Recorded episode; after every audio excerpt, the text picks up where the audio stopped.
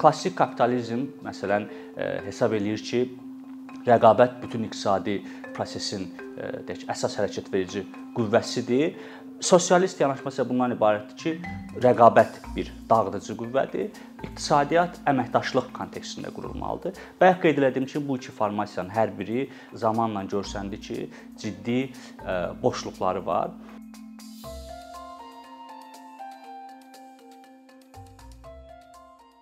İqtisadi fəaliyyətin necə qurulması və yaxud da dövlətin iqtisadiyyatda necə bir rol götürülməsi yüzillərdir həm siyasi elmlərin, həm iqtisadi elmlərin deyək ki, müzakirə obyektidir və ciddi bir uzun müddətdə əslində deyək ki, həm elm təmsilçiləri üçün, həm siyasətçilər üçün iki fərqli seçim qoyulurdu. Ya deyək ki, mənfəətə dayalı dövlətin minimal rol götürdüyü deyək ki, kapitalizm və yaxud başqa sözlə bazar iqtisadiyyatı, yaxud da dövlətin ifrat e, yüksək e, rol götürdüyü, bütün iqtisadi fəaliyyətə nəzarət elədiyi, bütün iqtisadi fəaliyyətin qərarını verdiyi e, inzibati amirli sistem.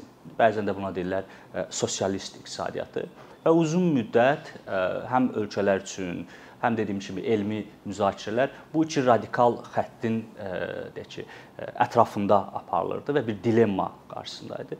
Xüsusən də e, inzibati amirlik iqtisadiyyatının e, deyək ki, çöküşü, ciddi uğursuzluğu e, belə bir 80-ci illərin sonundan etibarən belə bir ab-hava yaratdı ki, əslində mövcud kapitalist iqtisadiyyatın alternativi yoxdur. Bu doğrudan da deyək ki, inzibati amirlik sistemindən daha uğurlu olduğu üçün, resursları daha səmərəli deyək ki, idarə etdiyi üçün, eləcə də ölkələrə daha yuxarı zənginlik verdiyi üçün xalqlara Bu sistem tam olaraq deyək ki, mükəmməldir və bunu inkişaf etdirmək mümkün deyil.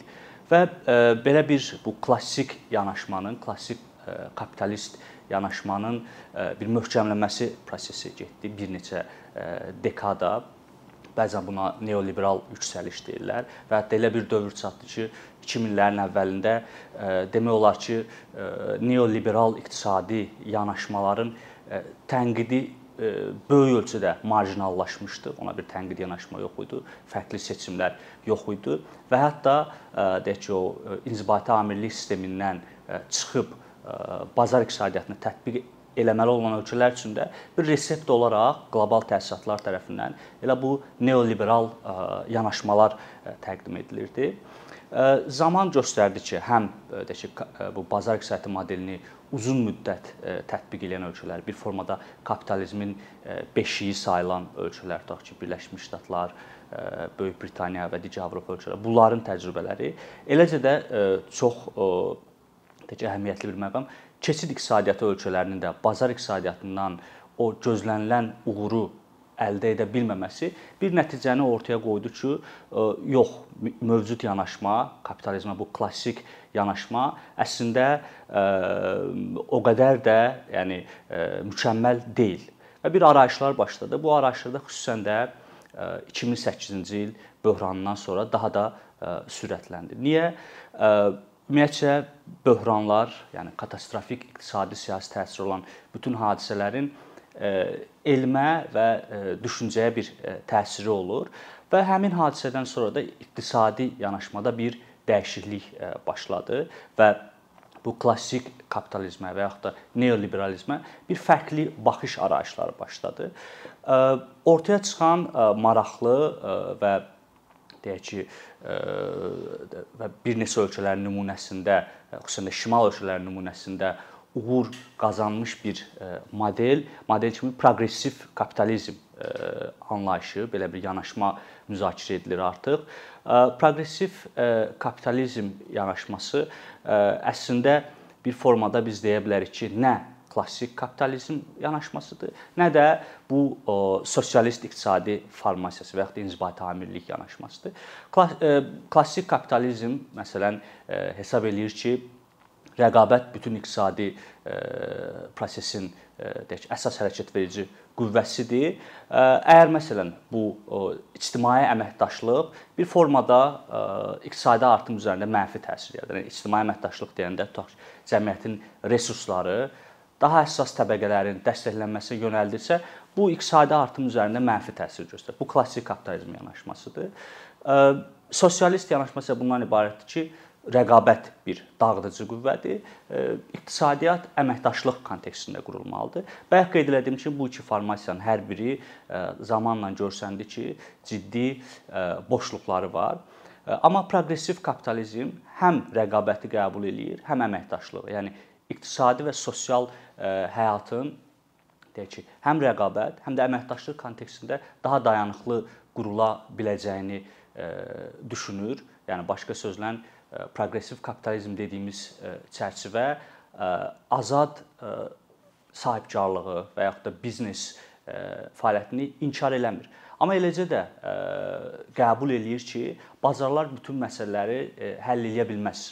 Xüsusilə ciddi sosial və siyasi təsirləri olan bir sıra məsələləri, məsələn, bərabərsizlik məsələsini, məsələn, ətraf mühit məsələsini, məsələn, innovasiya məsələsini, davamlı innovasiya məsələsini bazarlar özlüyündə həll edə bilməz və burada ciddi aktiv rol alan sosial institutlara, yəni cəmiyyəti təmsil edən institutlara ehtiyac var. Cəmiyyəti təmsil edən ən böyük institut da dövlət institutlarıdır. Düzdür, digər biz qeyri-hökumət institutlarında qeyd edə bilərik və yaxud da digər çərçivələrdə qeyd edə bilərik. Amma dövlət institutlarının kapitalizmin və yaxud da bazar iqtisadiyyatının daha dayanıqlı və daha ədalətli edilməsi edilməsində rol ala bilər. Məsələn, tutaq ki, tez-tez nümunə kimi göstərilir. Hətta Qərbdə, Amerikada belə artıq ciddi bir müzakirə açılıb. Şimal ölkələrinin modeli bir bəlli siyasi tərəflər siyasi tərəflər bunu bir uğur modeli kimi təqdim eləyirlər. Nəyə görə? Əslində sadə deyək ki, bu iqtisadiyyatın əsas hədəfi nə olmalıdır? İnsan rifahını təmin etmək. Amma bir formada həm iqtisadın əvvəlki klassik tədrisi, iqtisad elmi, klassik tədrisi, iqtisad elmi və yaxud da o neoliberal şərtlər daxilində qurulan iqtisadiyyatda bir bir formada insanlar iqtisadiyyat üçün çalışır, iqtisadi artım üçün çalışır. Amma bu şimal ölkələrinin modeli və yaxud da ümumiləşdirdikdə bu proqressiv kapitalizm anlayışı əslində iqtisadiyyatın hədəfi insanların rifahı olmalıdır nəticəsini və yaxud da belə bir tezisi irəli sürür. Dövlətin rolundan danışdıq burada. İndi əsas bu yanaşmaya tənqidlər ondan ibarətdir ki, yaxşı şimal ölkələri bir xeyli məsələlərdə önə çıxırlar, daha yuxarı rifah təmin edə bilirlər, demokratiya indeksinə görə daha öndədirlər, sosial mobillik indeksinə görə daha öndədirlər. Amma bunun bir xərci var. Bunun xərci də yüksək vergilərdir. Və yüksək vergilər də əslində bəli bu şeyləri təmin eləyir, iqtisadi artımı bir formada məhdudlaşdırır və yaxud da iqtisadi deyək ki, təşəbbüsləri öldürür. Doğrudur, vergilər əslində nəzərə olaraq bir formada iqtisadi təşəbbüslər üçün bir demotivə edən bir amildir. Amma vergilərin yüksək dərəcələrindən daha çox toplanan vergilərin hara və necə xərclənməsi daha önəmlidir. Proqressiv kapitalizm edir ki, yüksək vergi əgər məhsuldarlığı artıran istiqamətlərə, yəni nəyə insan kapitalını yüksəldən istiqamətə və yaxud da innovasiyanı təşviq edən istiqamətə şəffaf formada xərclənsə, əslində bu yüksək verginin yaratdığı bu neqativ təsirlər bir formada artırılması ilə kompensasiya edilir. Yəni əgər dövlətin topladığı vergilər, yüksək dərəcədə topladığı vergilər keyfiyyətli təhsili keyfiyyətli ictimai təhsili tam əlçatan eləyirsə, bunun bir e, pozitiv nəticəsi ortaya çıxacaq. E, yüksələn insan kapitalı, yüksələn bacarıqlar, e, yüksələn kvalifikasiyalar bu bir formada iqtisadi məhsuldarlığı artıracaq. Və yaxud da dövlətin topladığı vergilər keyfiyyətli səhiyyəyə əlçatanlığı təmin eləyirsə, bunun da iqtisadi məhsuldarlıq üzərində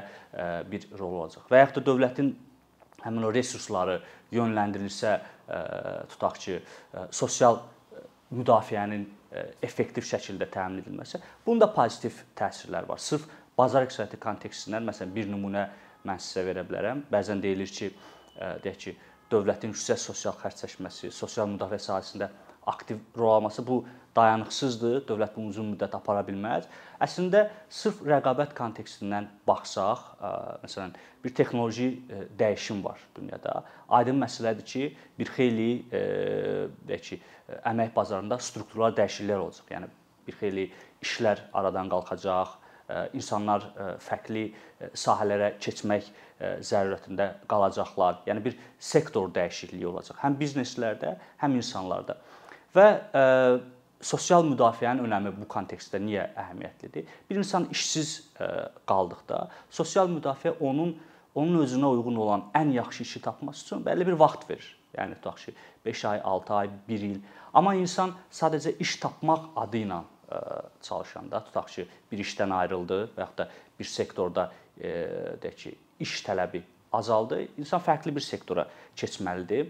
O sadəcə iş tapmaq, öz ə, həyatını maliyyələşdirmək məqsədi ilə iş axtaranda artıq bəzən ola bilər ki, özünün heç də məhsuldar olmadığı bir sahəyə yönələ bilər. Heç də yaradıcı olmadığı bir sahəyə yönələ bilər. Amma sosial müdafiə insana bəlli bir ə, deyək ki, vaxt verəndə, mən burada işsizlik müavinətinə tutaq ki, deyirəm. Bir vaxt verəndə insanın özünə ən uyğun olan və yaxud da daha produktiv olduğu sahələrə keçid eləmək üçün bir e, imkanı olur. Digər tərəfdən bu bizneslər üçün də rahat olur. Yəni artıq kimisə işdən e, çıxaranda və ya da hansısa sektordan e, deyək sektor tərk edəndə bunun bir sosial gərginlik yaratmaq, sosial təzyiq yaratmaq e, imkanları da məhdudlaşır. Çünki işdən ayrılmaq artıq bir faciəyə çevrilmir. Amma sosial müdafiənin zəif olduğu yerlərdə işdən ayrılmaq, insanın işsiz qalması bir faciəvi bir məsələyə çevrilir. Bu bəzən bir sosial təlatüm yaradır, bəzən deyək insanların həyatı üzərində e, mənfi e, məqamlar ortaya çıxarır. E, bu bir məsələ. Yəni əslində dövlətin deyək ki, bu sosial müdafiə sahəsində ciddi rol alması bir yükdür məsələsini inkar edən tezislər də var. Digər bir məsələ ondan ibarətdir ki, sosial müdafiə həm də deyək həssas qrupların müxtəlif bu rifah siyasətləri kontekstində dəstəklənməsi özü məsələn bir iqtisadi produktivliyi artırır. Məsələn biz rifah siyasətləri deyəndə təkcə birbaşa sosial müavinətləri yox, eləcə də bir xeyli başqa deyək ki, təhsilə əlçatanlığı təmin etməklə və yaxud da istiqamətlənmiş dövlət siyasətindən bərabərsizlikləri, həm gender bərabərsizliyi və yaxud da deyək sərvət bərabərsizliyi, imkanlar bərabərsizliyi bunları aradan qaldırmaqla əslində dövlət iqtisadiyyatdan iqtisadiyyatın faydalana biləcəyi resursları da artırır. Məsələn, sadə nümunə üzərindən danışsaq, tutaq ki, bir kifayət qədər imkansız ailənin övladı hər hansı bir dəstək görməsə, sosial dəstək görməsə rifah siyasətləri kontekstində, onun iqtisadiyyatda məhsuldar bir deyək ki, işçi qüvvəsi olmaq imkanı azalır. Yəni o ya təhsil almayacaq, düzdür, ya ümumiyyətcə deyək ki, hansısa bir sahibkarlıq fəaliyyətindən məşğul ola bilməyəcək. Amma dövlətin istiqamətlənmiş rifah siyasətləri həmin deyək ki, həssas qrupları təmsil edən uşaqların və yaxud da gənclərin bəlli bir bacarıqlarla deyək ki, bacarıqlar əldə etməsinə istiqamətlənəndə həmin şəxs bir formada daha məhsuldar bir iqtisadi oyunçuya çevrilir və yaxud da dövlətin bu gender bərabərsizliyini aradan qaldırmaq üçün istiqamətlənmiş siyasət, bunun üçün pul xərcləməsi filan, bu da etki deyil. Bu əslində bir iqtisadi qazanc yaradır ölkə iqtisadiyyatı daha geniş, əhatəli resurslardan, insan resursundan söhbət gedir. Resurslardan faydalana bilir. Bu baxımdan mən düşünürəm ki, və artıq getdikcə həm elmi sahədə, həm deyək ki, bu siyasət siyasi müzakirələrdə, xüsusən də qərbdə artıq bu klassik kapitalizmin qarşılaşdığı çətinliklər artıq inkar olunmaz bir reform məsələsini ortaya çıxarır.